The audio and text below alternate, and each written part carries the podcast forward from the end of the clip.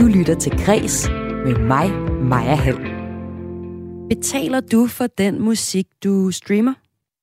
60% af danskernes samlede digitale musikforbrug opgjort i tid foregår på en af de mange gratis musiktjenester. Det viser en ny rapport fra Brancheforeningen for Musikskabere, Koda, som ser det som et stort problem. For når vi ikke betaler for musikken, så er der selv sagt ikke mange penge til musikerne. Så man kan sige, for dem, der skaber og udøver musikken, så er vi en del af et økosystem, som bare ikke er bæredygtigt længere. Trods det har streamingtjenesterne været fuldstændig afgørende for musikbranchen. Sådan lyder det fra musiker Brian Rice. Havde det ikke været for streaming, så havde jeg nok ikke øh, udgivet musik den dag i dag, fordi så havde alt været piratkopiering. Jeg taler med en forsker i digitalisering af musikbranchen for at høre, hvorfor vi ikke gider at betale for musik, og hvad streamingtjenesterne egentlig også kan for branchen, og om, om der overhovedet er nogle løsninger på branchens problem med, at vi ikke gider at betale. Vi skal i udsendelsen i dag også øh, have et portræt af den britiske dronning Elizabeth, der fejrer 70 år som regent i dag. Og så skal vi her i Kulturmagasinet Kreds, som du har tunet ind på, tale datasikkerhed på øh, sociale medier, efter at Twitter skal betale cirka 1 milliard danske kroner i bøde, efter at have været blevet dømt for at have solgt 140 millioner brugers data. Men først skal det handle om den mest omdiskuterede kendisretssag i nyere tid, der nu har fået sin afslutning. Jeg hedder Maja Hall. Velkommen indenfor til Kulturmagasinet Kris. Ja, i nat der faldt der dom i en af de mest kulørte retssager i nyere tid. Sagen mellem skuespilleren Johnny Depp og hans ekskone Amber Heard. All right, Mr. Foreperson, is this the verdict of the jury? Yes. All right, is it unanimous? Thank you, sir. Ja, dommeren i sagen for her Jurens beslutning overragt. Gennem øh, seks uger har hele verden live på YouTube kunne følge sagen, hvor Johnny Depp har anklaget øh, ekskonen Amber Heard for bagvaskelse. Det har han gjort efter, at Amber Heard i 18 skrev en klumme i avisen Washington Post, hvor hun beskrev sig selv som en person, der havde været udsat for vold i hjemmet. I klummen der nævnte hun ikke Johnny Depps navn. Men ikke desto mindre, så førte den her klumme til, at Johnny Depp blev fyret fra Pirates of the Caribbean-franchisen, og øh, fra den store rolle som skurken øh, Gellert Grindelwald i øh, filmen Fantastiske skabninger, Dumbledores hemmeligheder. Der er jo en rolle, som i stedet er blevet besat af danske Mads Mikkelsen, så han er måske meget glad for det. Selvom klummen ikke nævnte Johnny Depps navn, så mente han altså, at, han havde, øh, at, at den havde været skyld i et, øh, et stort dyk i hans karriere, to efterfølgende. Derfor sagsøgte han Amber Heard for, hvad der svarer til 50 millioner dollars. Det besvarede hun så ved at sagsøge ham for 100 millioner dollars. Sent i aftes, der gav en enig jury i Fairfax, Virginia, så Johnny Depp medhold og vurderede, at Amber Heard skal betale ham 15 millioner dollars i erstatning. Hurt selv fik også øh, mindre medhold i et enkelt punkt. Der skal hun modtage 2 millioner dollars fra Depp. Og øh, det skal altså læses som en klar sejr til Johnny Depp. Det vurderede USA-korrespondent Anne Alling, da hun var med i Radio 4 morgen i morges. Der er ikke nogen tvivl om, at selvom begge parter skal punge ud, så er det helt sikkert uh, Johnny Depp, som bliver set som, som vinderen af denne her sag. Uh, alle medier og, og også ligesom den, den offentlige opfattelse af det her er, at, at han har vundet.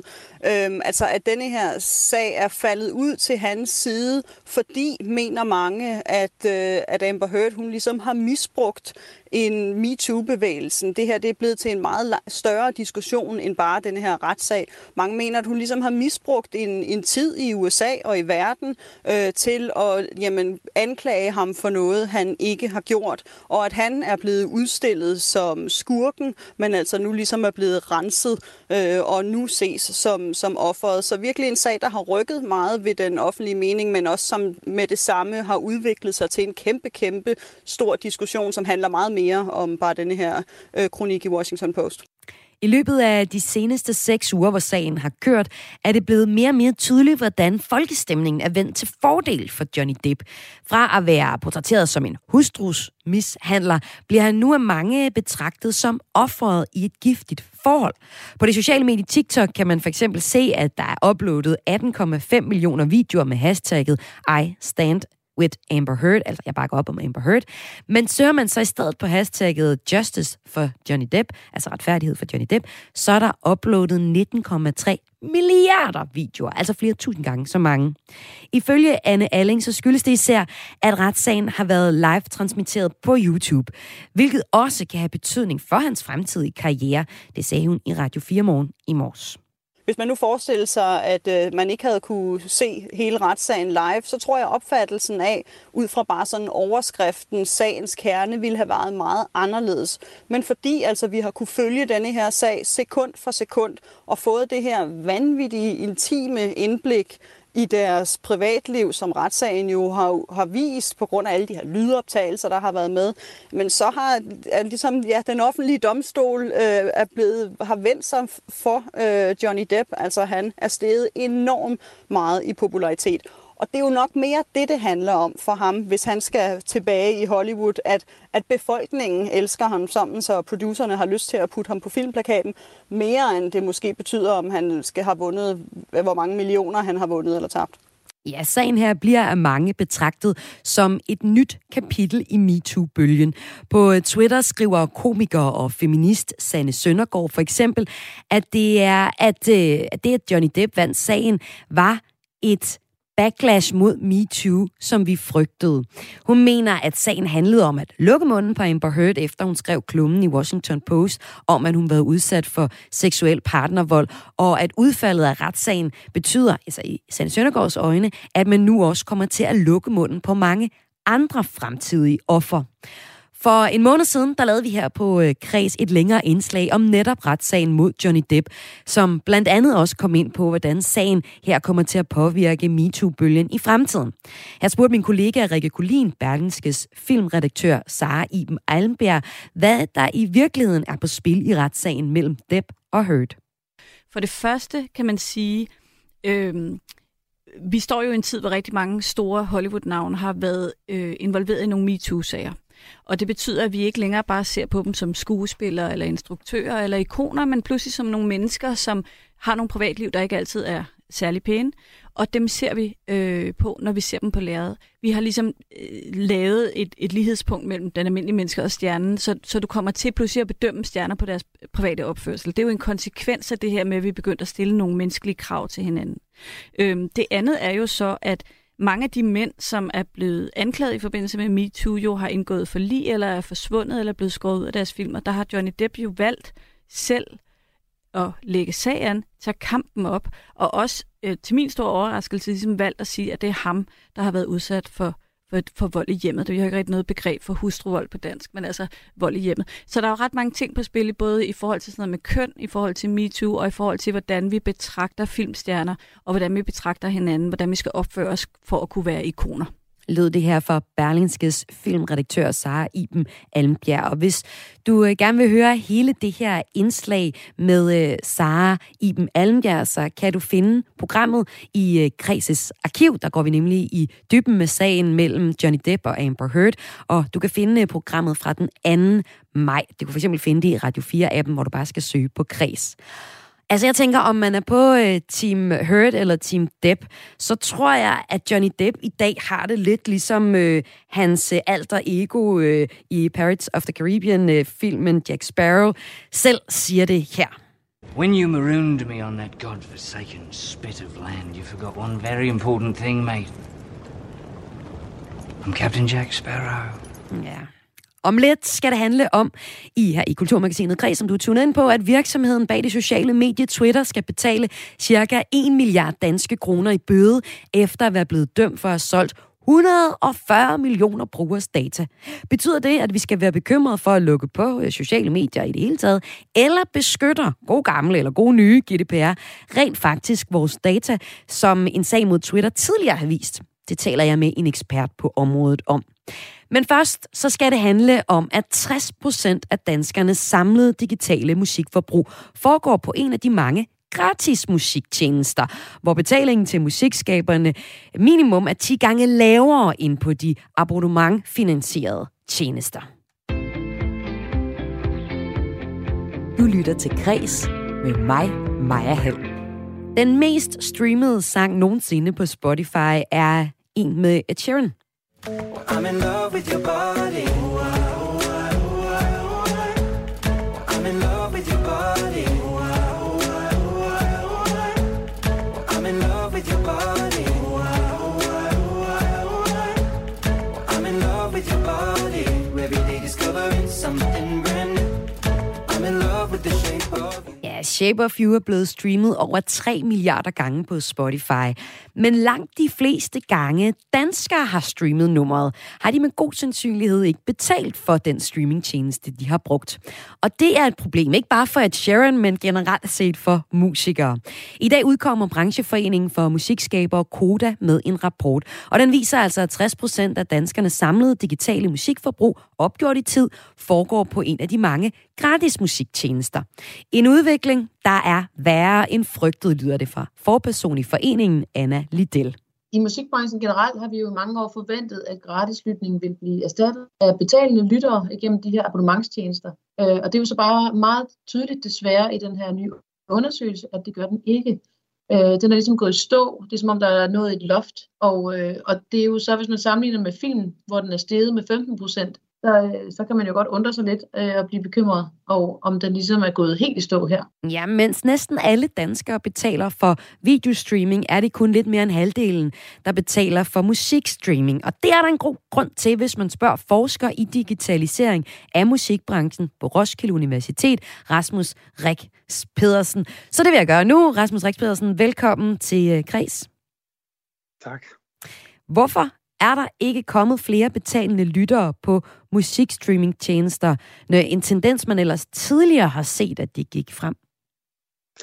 Ja, man kan sige, at der, der kommer også flere betalende brugere, men, det bliver, men den vækst, som har været der over de sidste 10 år, er, er ligesom ved, ved at gå i stå. Og det er vel at mærke i et perspektiv, hvor det er, at vi ikke er nået tilbage til, øh, hvad hedder det, til en økonomi, som er så, så stor, som den var inden øh, øh, hvad hedder det, pladebranchen kom i krise for øh, med, med, med piratkopiering og sådan noget for en, for en 15-20 år siden. Øh, så hvad hedder det, øhm, så på den måde, så altså det her egentlig mest af alt et spørgsmål om, at hvis man gerne vil nå til det sted, hvor streaming bliver en bæredygtig økonomi for de fleste musikere, der er med i den, jamen så, så er det nødvendigt, at den vækst fortsætter. Og det er det, der ligesom bliver udfordret lige nu med, med den udvikling, der sker her. Ja, hvor meget fylder streaming sådan sammenlignet med, med tiden før digitalisering, dengang man gik ned og købte en CD? Jamen altså, økonomien med streaming har været i vækst lige siden Spotify blev lanceret på markedet øh, for, for lidt over 10 år siden. Øh, hvad hedder det? Men selv med den vækst er vi stadig ikke tilbage til en økonomi, som kan matche det, der var øh, før årtusindskiftet, som var der, hvor, øh, hvad hedder det, hvor CD-salget peakede, og inden vi kendte til pirattjenester som Napster og LimeWire og sådan nogle ting. Øh, hvad hedder det? Så, så hvad hedder det, så selvom vi nu ser en mere bæredygtig økonomi, end vi gjorde for 10 år siden, så, så er det stadig sådan, at der for mange musikere, øh, hvad hedder det, ikke nødvendigvis er den samme form for, for penge i det at indspille og udgive musik, som, som der har været for tidligere generationer af musikere. Og det er det, vi skal tale om her i Kulturmagasinet Kreds. Vi skal se på, hvorfor det ser sådan ud, og også hvor stor betydning streaming egentlig har for musikeren. Vi skal blandt andet høre fra Brian Rice. Grunden til, at de i brancheforeningen for musikskabere Koda, som står bag den her nye rapport, der lander i dag, er bekymret, skyldes, at der i de sidste mange år ellers har været fart på udviklingen. Flere har været villige til at betale for musik. Fra 2018 til 2020 voksede tallet for danskere, der betaler for en musikstreamingtjeneste fra 46 procent til 56 procent. Og her de seneste år er der så sket det, at det kun er steget med en enkelt procentpoint til 57 procent. Noget, der tyder på, at udviklingen er gået i stå. Og det er et problem, siger forperson i Koda, brancheforeningen for musikskabere Anna Liddell. Der er så meget gratislytning, øh, at 60 procent af den tid, vi danskere bruger på at lytte musik, foregår på en gratistjeneste. Så er der jo selv sagt ikke særlig meget betaling til dem, som øh, leverer musikken. Så man kan sige, for dem, der skaber og udøver musikken, så er vi en del af et økosystem, som bare ikke er bæredygtigt længere. Så hvem er det, der vælger ikke at betale for en musikstreamingtjeneste, men i stedet for bruger en, en gratis version af Spotify eller lytter til musik på YouTube? Rasmus, har jeg dig med endnu? Rasmus Rex Pedersen skulle gerne være med, og kan du høre mig, Rasmus? Jeg kan høre dig, men du kan måske ikke høre Jeg mig. kan godt høre dig nu, Rasmus. Yes, Så jeg spørger godt. dig bare en gang til. Hvem vælger ikke at betale for en musikstreaming-tjeneste? Jamen det er, hvad hedder det, er der ikke kun én gruppe af, af, af brugere, som, som gør det, men der, der, er nogle, der er alligevel nogle kendetegn ved det. Der er den gruppe af, af hvad hedder det, af lyttere, som endnu ikke er så langt fremme med det digitale, at de, at de er rykket øh, over til, at streaming er den primære måde at lytte til musik på. Øh, og så er der dem, der måske ikke i deres daglige økonomi har penge til at betale for den, for den her type af tjenester. Og så er der sidst øh, en gruppe, som har, som, hvor det at lytte til musik ikke er en, en, sådan en stor del af deres identitet, om man så må sige, hvor det måske er en mere marginal øh, hvad hedder det, beskæftigelse for dem, og dermed noget, hvor hvor det er, at det fylder mindre i deres hverdag, de bruger mindre tid på det, de bruger mere, mindre energi på at, at, at opsøge og udforske og lytte til musik. Og lad os så se på, hvor stor betydning streaming har for musikere. Vi skal høre fra musiker Brian Rice, der har oplevet branchen gå fra, fra CD'er til piratkopiering til streaming. Når folk vælger at bruge gratis tjenester, som f.eks. Spotify Free eller YouTube, så er betalingen ifølge Kodas nye rapport meget mindre, altså 10 gange mindre til musikerne. Og det er et, et problem, hvis vi ikke er villige til at betale for musik, mener musiker Brian Rice. Vi skal skynde os at komme øh, det gratis musikforbrug til livs. Brian Rice, han er den her musiker, der hittede stort, da han kom frem i 2005 med nummeret No Promises.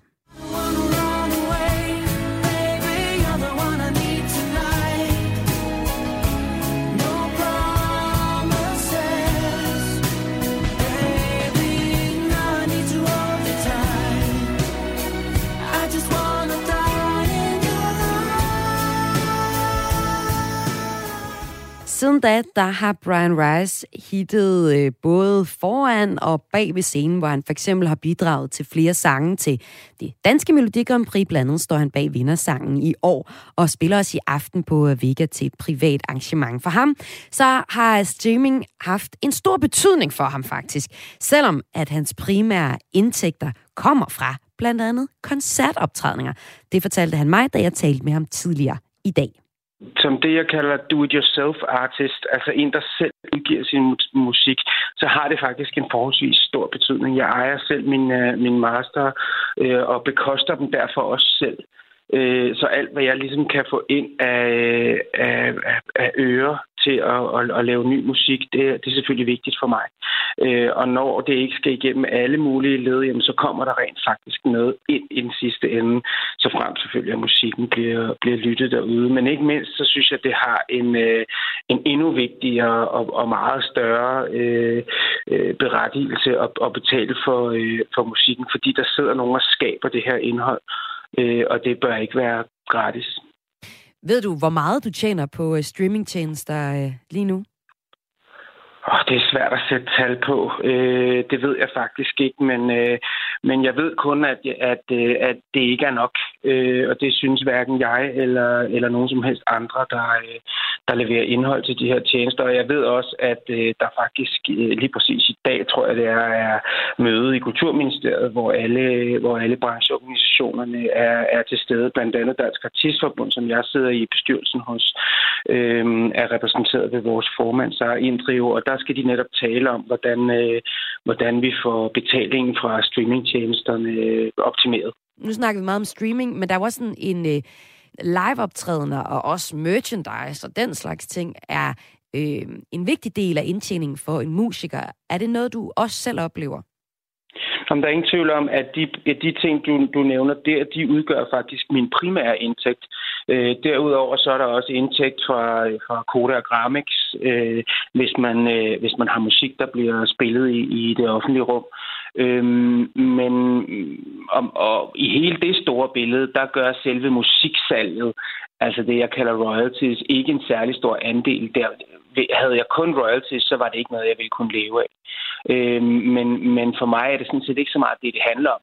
Det handler om, at, øh, at, at, at billedet ligesom er, er forvrænget. Vi har, vi har film og serier, som, som, man, som man abonnerer på for at se.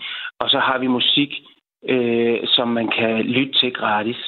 Øh, og det, det, er, det er en alt for stor skævvidning, øh, hvis du spørger mig. Og jeg er faktisk ret sikker på også, at, at hvis ikke der fandtes de her muligheder for at lytte gratis, så, så er jeg sikker på, at, at, øh, at der er lige så mange, der vil betale for at have adgang til al musik i hele verden, som der er folk, der gerne vil betale for at se, øh, se videomateriale på streamingtjenester. Du har øh, været musiker i mange år. Du hittede i øh, 2005 med No Promises. Hvilken betydning har øh, streamingmarkedet haft sådan på din karriere, hvis du øh, sammenligner med dengang, du kom frem i 2005, hvor CD-markedet var dominerende? Jamen altså, modsat mange andre, så, så ser jeg jo faktisk sådan på det, at jeg, jeg synes, at streamingmarkedet har reddet min branche. Havde det ikke været for streamingmarkedet, så havde, så havde vi nok ikke eksisteret på samme måde den dag i dag. Øhm, jeg, jeg, jeg nåede lige slipstrømmen af, af den branche, hvor man rent sagt faktisk solgte fysiske CD'er. Jeg solgte guld på mit første album i 2006 på fysisk salg.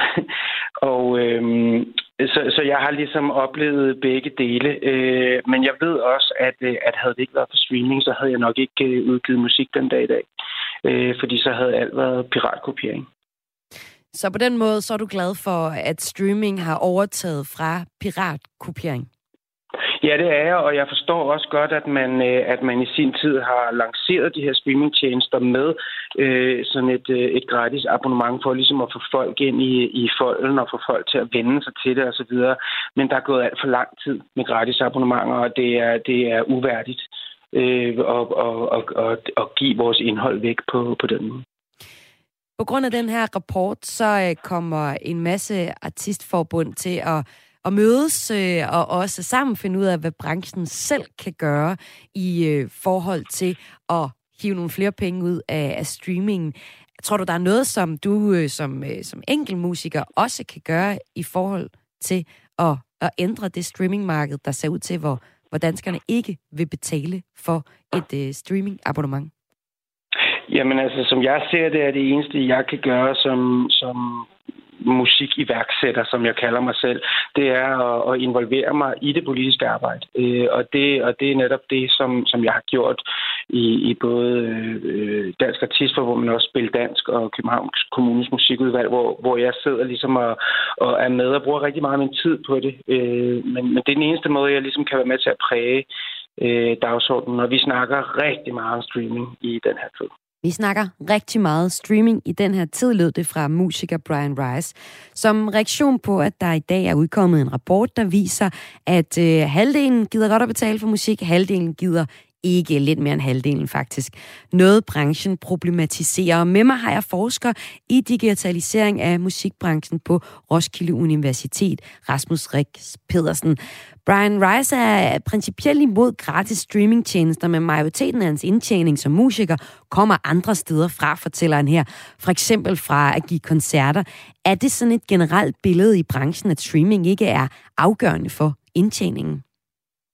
Det er, man kan helt sikkert finde undtagelser til den regel, men det er reglen, kan man sige, eller det er i hvert fald den, den overvejende øh, tendens, det er, at øh, musikerne bruger, i modsætning til årene lige inden Brian Rice brød igennem, øh, bruger, øh, hvad hedder det, det at udgive, indspille og udgive musik øh, på streamingtjenesterne som en måde at sørge for at være til stede i forbrugernes bevidsthed, at, øh, at ligesom at opbygge en relation til dem, som man så i høj grad tjener sine penge på ved at, øh, ved at tage ud på live-scenerne og, og møde dem derude.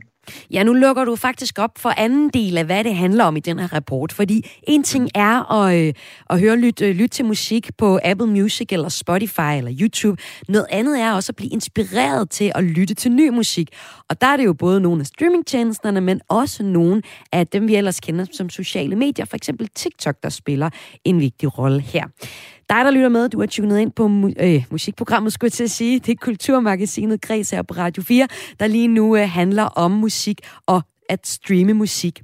En ny rapport øh, viser, at øh, hvis du i dag sidder og varmer op til Nick Cave and the Bad Seeds, der spiller i aften på Northside Festival i Aarhus, så vil kun lidt mere end 5 ud af 10 af dine venner have et streaming abonnement, som de har betalt for, når I sætter for eksempel Into My Arms på. into my arms, arms, oh Lord, into my arms, oh Lord, into my arms, oh Lord, into my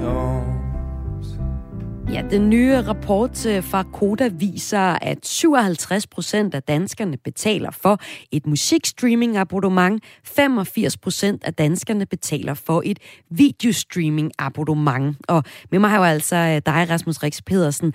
Hvis vi nu lige inden vi går ned og ser på, hvad det er for nogle forskellige streamingtjenester, vi bruger til at lytte til musik, så lad os lige tage den her pointe med, at øh, hvis det kommer til film og tv, jamen så gider vi faktisk godt at betale.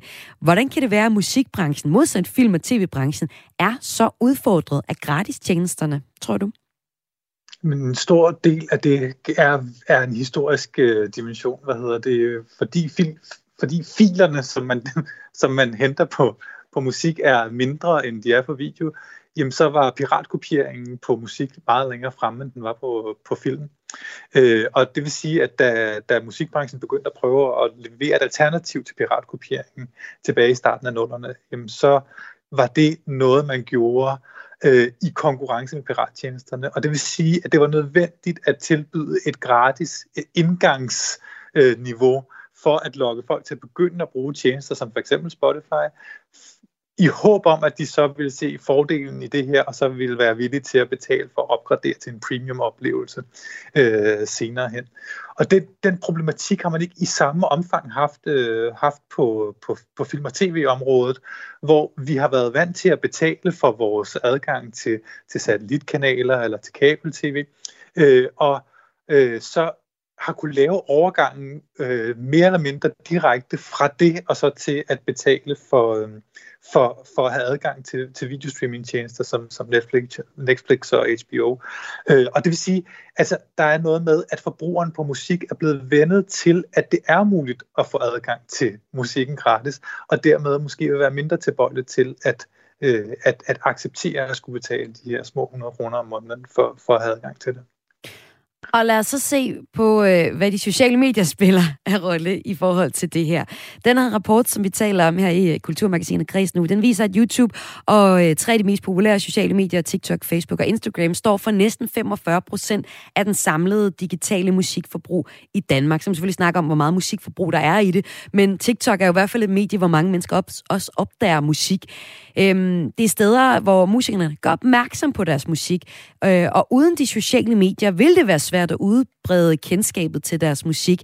Så når det kommer til stykket, så er det faktisk slet ikke muligt at tilbageholde musik fra tjenester, hvor musikerne måske ellers er ret trætte af, at indtjeningen er minimal. Det mener Kodas forperson Anna Liddell. Jo, også man kan sige, hvem skal løse den udfordring, at der er meget gratis lytning? Det kunne jo være, at øh, tjenesterne skulle lade være med at have en gratis mulighed. Det kunne også være, at musikerne skulle fjerne deres musik. Øh, problemet er jo bare, som, i hvert fald som enkelt musiker eller musikskaber, øh, når det er der, danskerne lytter til musik, når det er på, på de her platforme. Hvis man så ikke er på de platforme, så er det rigtig svært at blive opdaget. Ja, hvis musikerne ikke har deres musik på gratistjenesterne og de sociale medier, som øh, TikTok for eksempel, så vil nye musikere have svært ved at blive opdaget. Brancheforeningen for Musikskaberne Koda, der står bag den her rapport, som er grunden til, at vi taler om øh, musikstreaming i dag i Kulturmagasinet Kreds, øh, peger derfor øh, på en løsning, der går ud på, sådan lidt fluffy kan man sige, øh, at de skabende og udøbende musikere nu skal til at arbejde mere sammen og finde ud af, hvad de kan gøre for at, at løfte det og få noget mere mere ud af, og, øh, af, af de her forskellige streamingtjenester? Altså i forhold til at opdage ny musik, så ser vi stadigvæk, øh, at øh, radio er det dominerende medie for dem over 30 år, men dem under 30 år, der opdager de musik på netop på de her streamingtjenester eller på sociale medier. Så hvis man ikke er der, så kan man ikke blive fundet af sine lyttere. Så jeg synes ikke, det er den enkelte lytters problem. Jeg synes heller ikke, det er den enkelte musikers problem. Men jeg synes, det er et strukturelt problem, som vi har brug for at løse sammen i musikbranchen altså kigge ind af i musikbranchen og påvirke det her, så det bliver mere fair i fremtiden. Ja, branchen øh, vil kigge ind af, Rasmus Rik Pedersen, som forsker i digitalisering i musikbranchen. Altså, hvad kan branchen selv gøre ved det her problem? For mig at se udforstående, så tænker jeg da bare, at der, der skal ikke være nogen gratis streamingtjenester, men kan de godt gøre noget selv?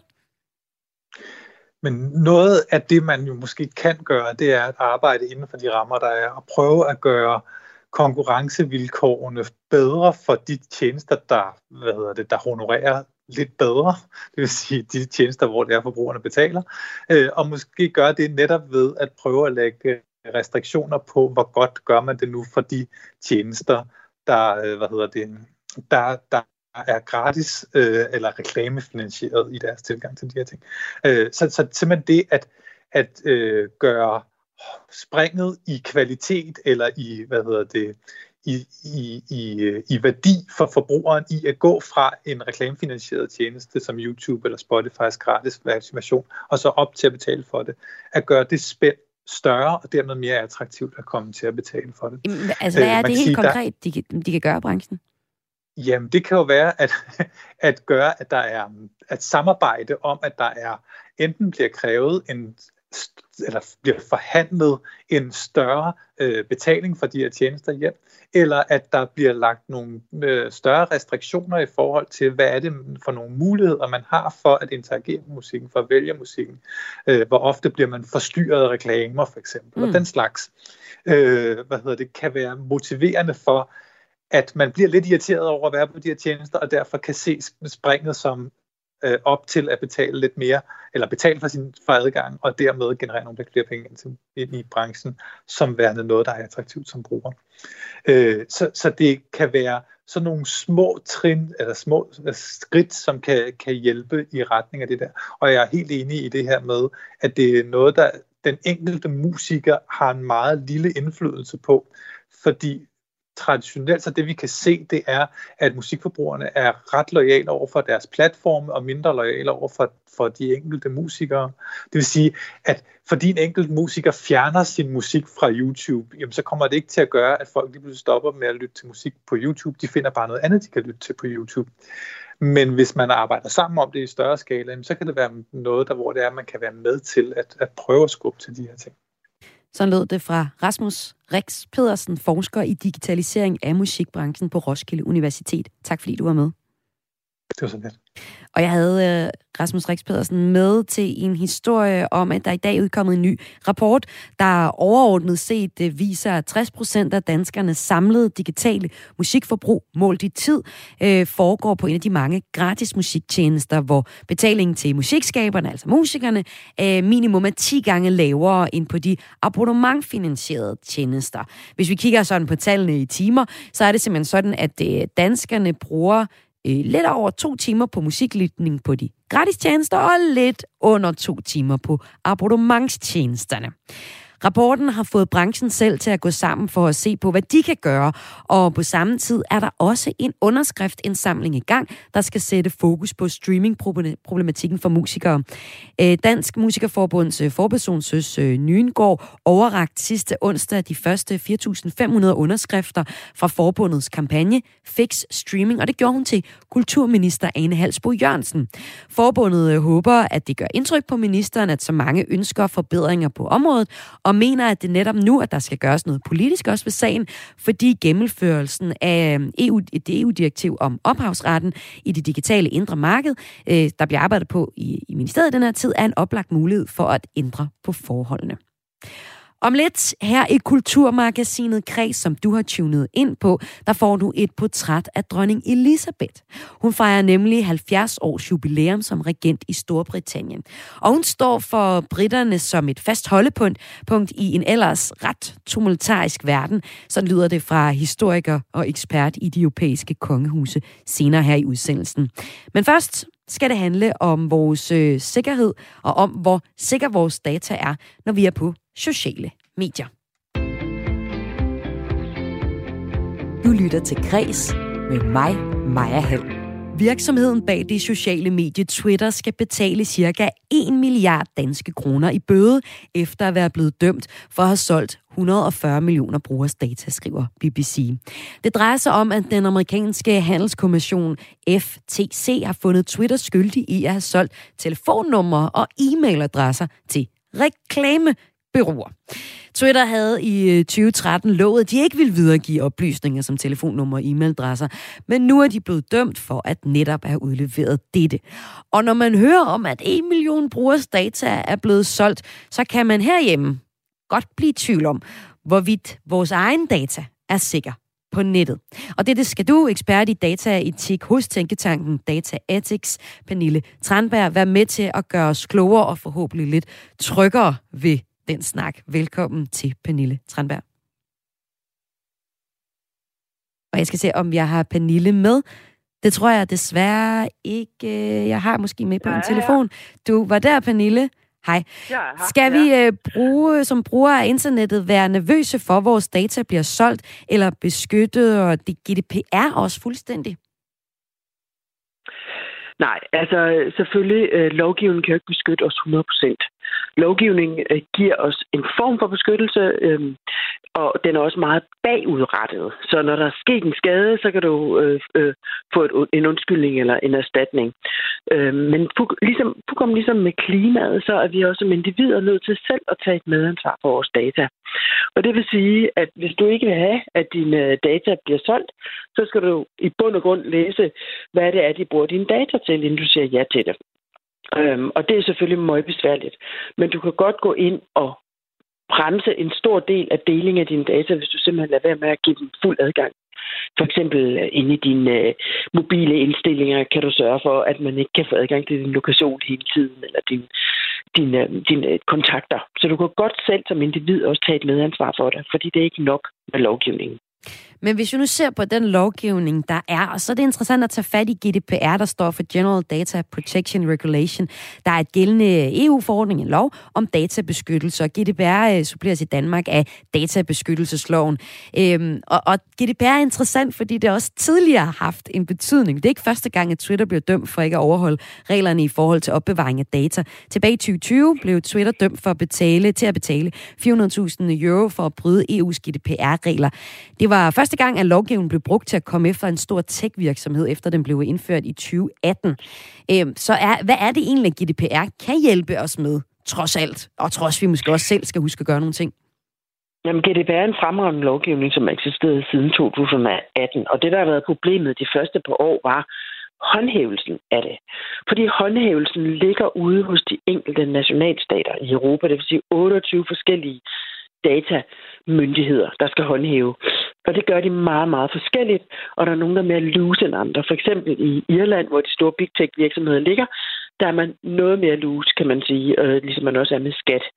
Plus, at de ikke har særlig mange ressourcer.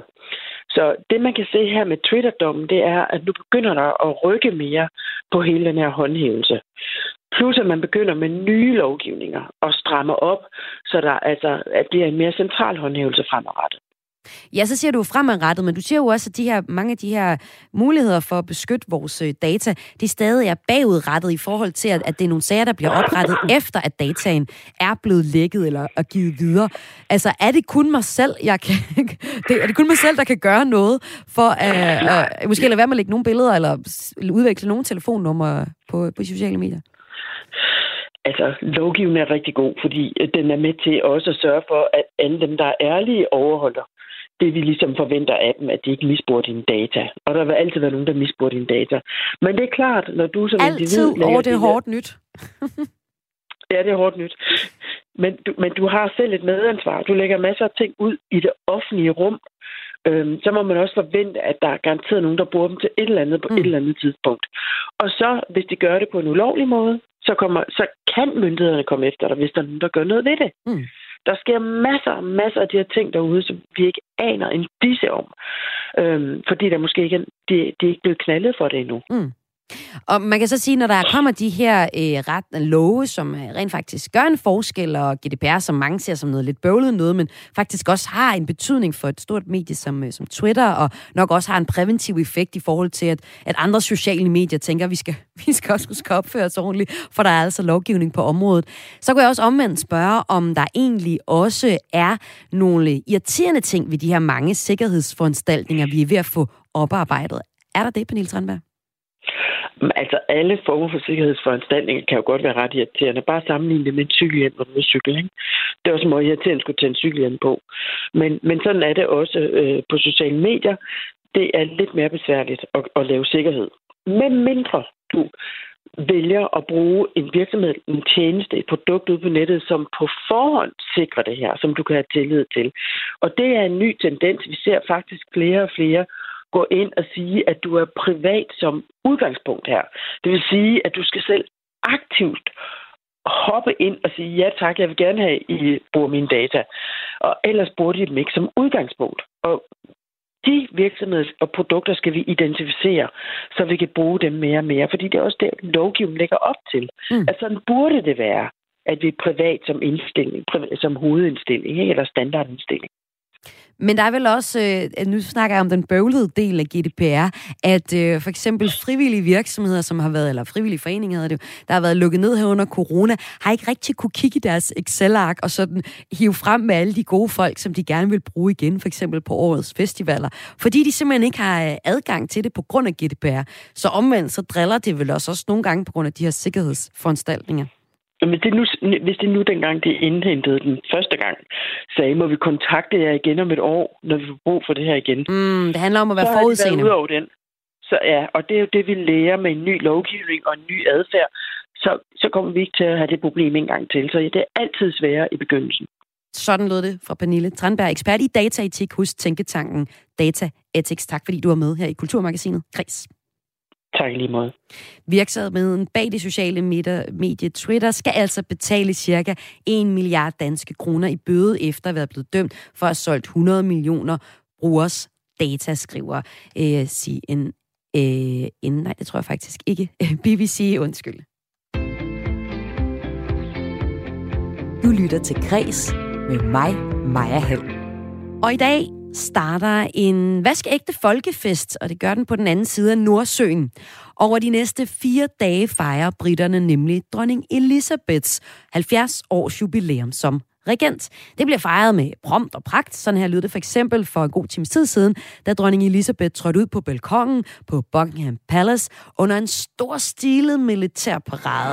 Og prøv at høre her, som skyder de fire dages fejring. Prøv lige at høre folk. Der bliver bare klimtet løs med kameraer, og folk er kjuger, og er altså rigtig glade for deres dronning. Dronning Elizabeth er nemlig en dronning, som har fulgt britterne gennem op og nedture de sidste 70 år. Og på den måde står hun for britterne som et fast holdepunkt i en ellers ret tumultarisk verden. Også for britterne. Det fortalte historiker og ekspert i de europæiske kongehuse, Lars Hovbakke Sørensen, da min kollega Søren Berggren Toft talte med ham tidligere i dag. Jamen, hun er en meget speciel dronning. Hun er det statsoverhoved i verden overhovedet, der har siddet længst af de nuværende statsoverhoveder. Øh, længere end nogen andre dronninger eller konger eller præsidenter. Og dermed så har hun jo også fulgt britterne gennem tygt og tyndt i, i de her 70 år, siden den tid, hvor Storbritannien var øh, et kolonirige, øh, som havde store kolonier overalt på jorden, Øh, det var faktisk ikke afviklet, da hun blev dronning i 1952. Det var først i løbet af 60'erne, at man afviklede mange af kolonierne i Afrika for eksempel. Så britterne de føler jo, at de har kendt hende altid, og hun har fulgt dem og deres lands historie, og de har fulgt med hendes liv altid. Så på den måde er hun en helt speciel monark, som også har en speciel status i andre monarkers øjne. Hun er simpelthen den højst rangerende, den som man anser for den fineste af alle monarker i verden. Og hvad, hvad betyder hun og kongehuset for det britiske folk? Jamen, det betyder rigtig meget. Øh, det betyder, at vi har haft en stabil faktor gennem de her 70 år, midt i alle de omskiftelige tider, som man ellers har haft, med alle mulige forskellige politiske, indrigspolitiske forviklinger, afslutningen af den kolde krig, øh, den moderne tid med terrorisme og nu med krigen i Rusland øh, og Ukraine, ja, eller krigen mellem Rusland og Ukraine. I alle de her situationer og i mange andre situationer, der har hun sådan ligesom været det stabile nationale samlingspunkt, som britterne følte var sådan en, et fast holdepunkt i, i tilværelsen. Og det er jo noget af det, som øh, en monark kan i et moderne demokrati. Det er jo netop at være det her faste holdepunkt. Og så har hun også været en, en monark, kan man sige, som er meget, meget formel øh, i forhold til, hvad vores dronning Margrethe er, hvis man skal sammenligne med hende. Hun er sådan meget mere dronning Elisabeth, øh, en som ikke sådan kommer med sine personlige holdninger og, og kommer med sine sådan, viser ret meget af sig selv som person ret tit, hun er sådan, for eksempel når hun holder sin juletale, der, der svarer til vores dronningens nytårstale, jamen så er det meget kort, så er det en meget kort formel tale, øh, hvor hun siger nærmest nogle af de samme ting øh, år efter år, sådan nogle generelle hilsener til forskellige dele af befolkningen. Øh, så på den måde er hun en helt anderledes monark, end vi er vant til i Danmark. Og det hænger også sammen med historien, altså at, at vi har en monark, der tidligere har regeret over, kan man sige, og stadigvæk til en vis grad gør det over store dele af verden. Og det er jo så øh, det, som også gør at forventningerne til hende er, at hun skal være sådan lidt mere formel, lidt mere ophøjet, lidt mere særlig end de andre monarker. Du nævner selv det her med, at øh, den her forskel på øh, dronning Elisabeth og dronning Margrethe, at dronning Margrethe har en tendens til at vise meget mere af sig selv, end dronning Elisabeth gør. Hvordan kan det være, at der er den her forskel på, på de to dronninger? Der er flere ting. Der er selvfølgelig noget med personligheder, men det er også i høj grad noget med landenes historie, der er forskellige. Det er meget interessant, fordi i og med, at Danmark har en helt anden historie end Storbritannien. Vi har været sådan en lille stat, der ikke har haft nogen kolonier af betydning. I den nyere tid har vi været en, en miniputstat. Jamen, der har man en generelt mere uformel tone mellem hinanden, også mellem alle danskere generelt, end man har i Storbritannien. I Storbritannien derimod, der har man stadigvæk lidt mere sådan, at man er formel og lidt mere høflig, og på alle måder øh, i, mellem britterne er sådan lidt mere øh, traditionsbundne. Og det er jo derfor også, at britterne godt kan lide en dronning, der også er det. Fordi en dronning skal jo afspejle, hvordan befolkningen er, sådan så hun afspejler kan man sige, den mentalitet og den holdning til ting, som findes i befolkningen. Og derfor er det meget på grund af den historiske udvikling øh, med det her øh, store kolonirige, de har haft tidligere, men også på grund af den aktuelle situation, hvor britterne stadigvæk generelt er lidt mere til at holde på formerne end danskerne. Derfor passer det rigtig godt på grund af de her ting med, at den britiske dronning skal være mere ophøjet, mere formel og, og mindre humoristisk i virkeligheden, også den danske dronning kan tillade sig at være. Du nævner flere gange det her med Storbritannien som, øh, som kolonimagt, og, og det britiske imperium har jo virkelig været verdensomspændende. Man har det her ordsprog, hvor man siger, at solen går aldrig ned på det britiske imperium. På det her tidspunkt i 1952, hvor øh, hun som 25-årig bliver dronning, det er på et tidspunkt, hvor de britiske kolonier verden over begynder at løsrive sig. Det sker allerede samme år, hvor Ægypten for eksempel løsriver sig. Den her tid i 1952, i starten af 50'erne, hvor hun bliver dronning, hvad er det for en tid? Jamen, det er netop en, en overgangstid mellem øh, 2. verdenskrig og 30'ernes krise, og så den nye verden, der kom efter det, som jo så var præget af den kolde krig, og så er afkoloniseringen. Og Indien havde jo allerede frigjort sig 1947, fem år inden dronning Elisabeth blev dronning. Men øh, der er masser af kolonier, som først bliver frigjort senere hen. For eksempel mange af de britiske kolonier i Afrika, det sker omkring 1960, øh, eller i løbet af øh, tiden deromkring. Og øh, det betyder jo altså, at det fik enormt stor betydning, hvordan monarken i Storbritannien gik til de her ting. Og der er der rigtig mange, der synes, at hun gjorde det på en meget ordentlig og værdig måde. At der blev en relativt fredelig afvikling af de britiske kolonier i for eksempel Afrika, uden at hun fik gjort det på en måde, så der blev en masse konflikt ud af det med de efterfølgende selvstændige stater, som de jo så blev til.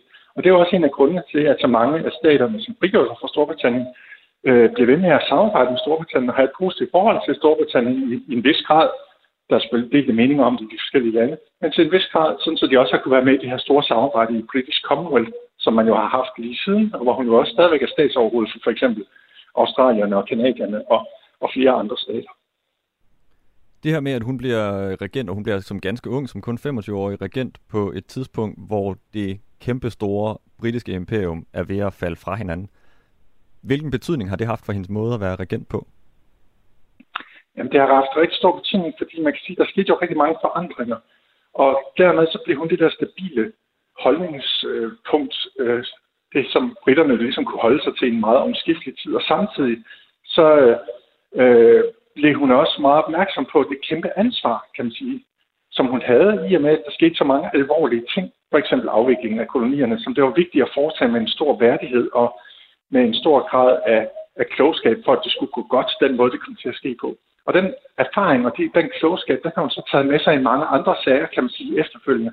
For eksempel, da der i begyndelsen af 1970'erne var nogle diskussioner om, hvordan var proceduren i forbindelse med, at man skulle danne regering, når der ikke var et parti, der havde flertal alene i det britiske parlament. Det var første gang, det blev aktuelt, at man begyndte at diskutere det. Jamen der gik hun også ind i det på en måde, så hun løste det med værdighed, vil mange sige, hvor hun altså ikke øh, så, hvor hun sørgede for ikke at komme til at spille en politisk rolle, som hun meget let kunne have forfaldet til at, at spille, fordi der ikke var nogen øh, særlige regler for, hvordan man gjorde i den situation, der opstod der i udenrigspolitisk start af 70'erne. Og det har egentlig kendetegnet hende hele vejen igennem, at mange britter synes, hun har klaret opgaven super godt i en meget vanskelig øh, tid.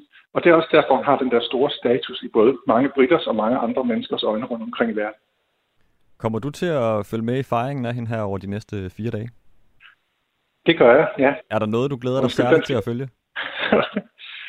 øh, ja, men jeg synes, at det bliver især øh, de her store pompø- pompøse øh, ceremonier, som kommer til at finde sted i forbindelse med, med fejringen. Og så hele det der med, at, at hele verden vil følge med i det, det er også enormt fascinerende i sig selv, og det er næsten det mest fascinerende ved det hele. At vi har en monark her, som hele verden følger med i, hvad foretager sig på en helt anden måde, end hvis det var den hollandske konge, eller den spanske konge, eller for, for den sags skyld vores øh, dronning Margrethe.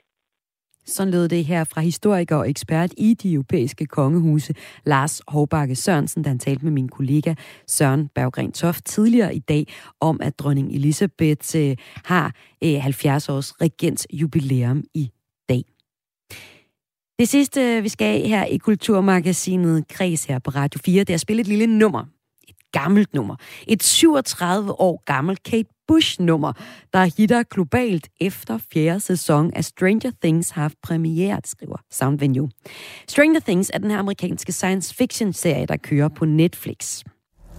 You've broken everything.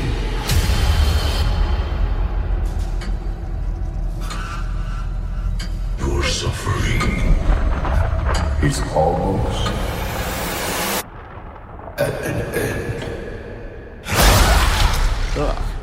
Den er skabt af Duffer Brothers sammen med Sean Levy og Dan Cohen. Serien foregår i 80'erne, og det er nemlig vigtigt at fokusere i første omgang på efterforskningen af en ung drengs forsvinden midt i nogle overnaturlige begivenheder. Der er grund til, at jeg ikke skal se så meget af det. Det er for uhyggeligt. Der finder sted rundt omkring i byen. Men altså, 80'erne er vigtige, fordi der er rigtig mange 80'er-referencer i den her serie, hvor der altså nu er gang i øh, fjerde sæson. Kate Bush-sangen Running Up That Hill, legendarisk fedt nummer, bliver brugt i en række scener i filmen, og indtager nu en fjerdeplads på den globale Spotify-hitliste med over 5 millioner daglige afspillinger. Og fortsætter det, jamen så kan det jo godt være, at det her nummer faktisk bliver det mest spillede Spotify-nummer lige nu. Jeg hjælper lige lidt i det med at spille øh, Kate Bush Running Up That Hill som det sidste her i Kulturmagasinet Græs.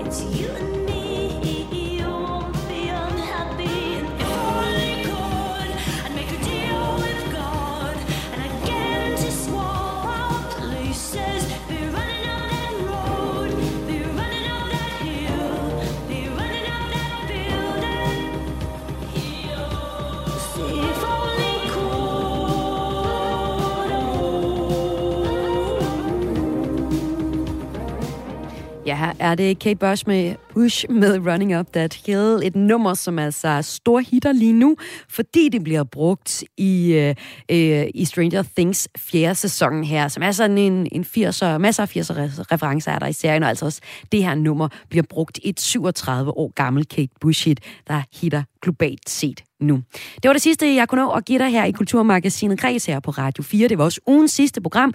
Jeg er tilbage igen med en ny, frisk omgang Kreds på mandag kl. 14.00 øh, 05. Som altid, hvis du ikke kan vente så længe, så kan du finde alle vores programmer som podcast. Det gør du inde i Radio 4's podcast-app, som du bare henter, og så søger du bare på Kreds Kulturmagasinet Kreds, så finder du alle vores programmer. Det her, det var et program med tilrettelagt af Søren Berggren Toft og Esben Lund, og mit navn er Maja Hall. Ha' en rigtig fornøjelig eftermiddag.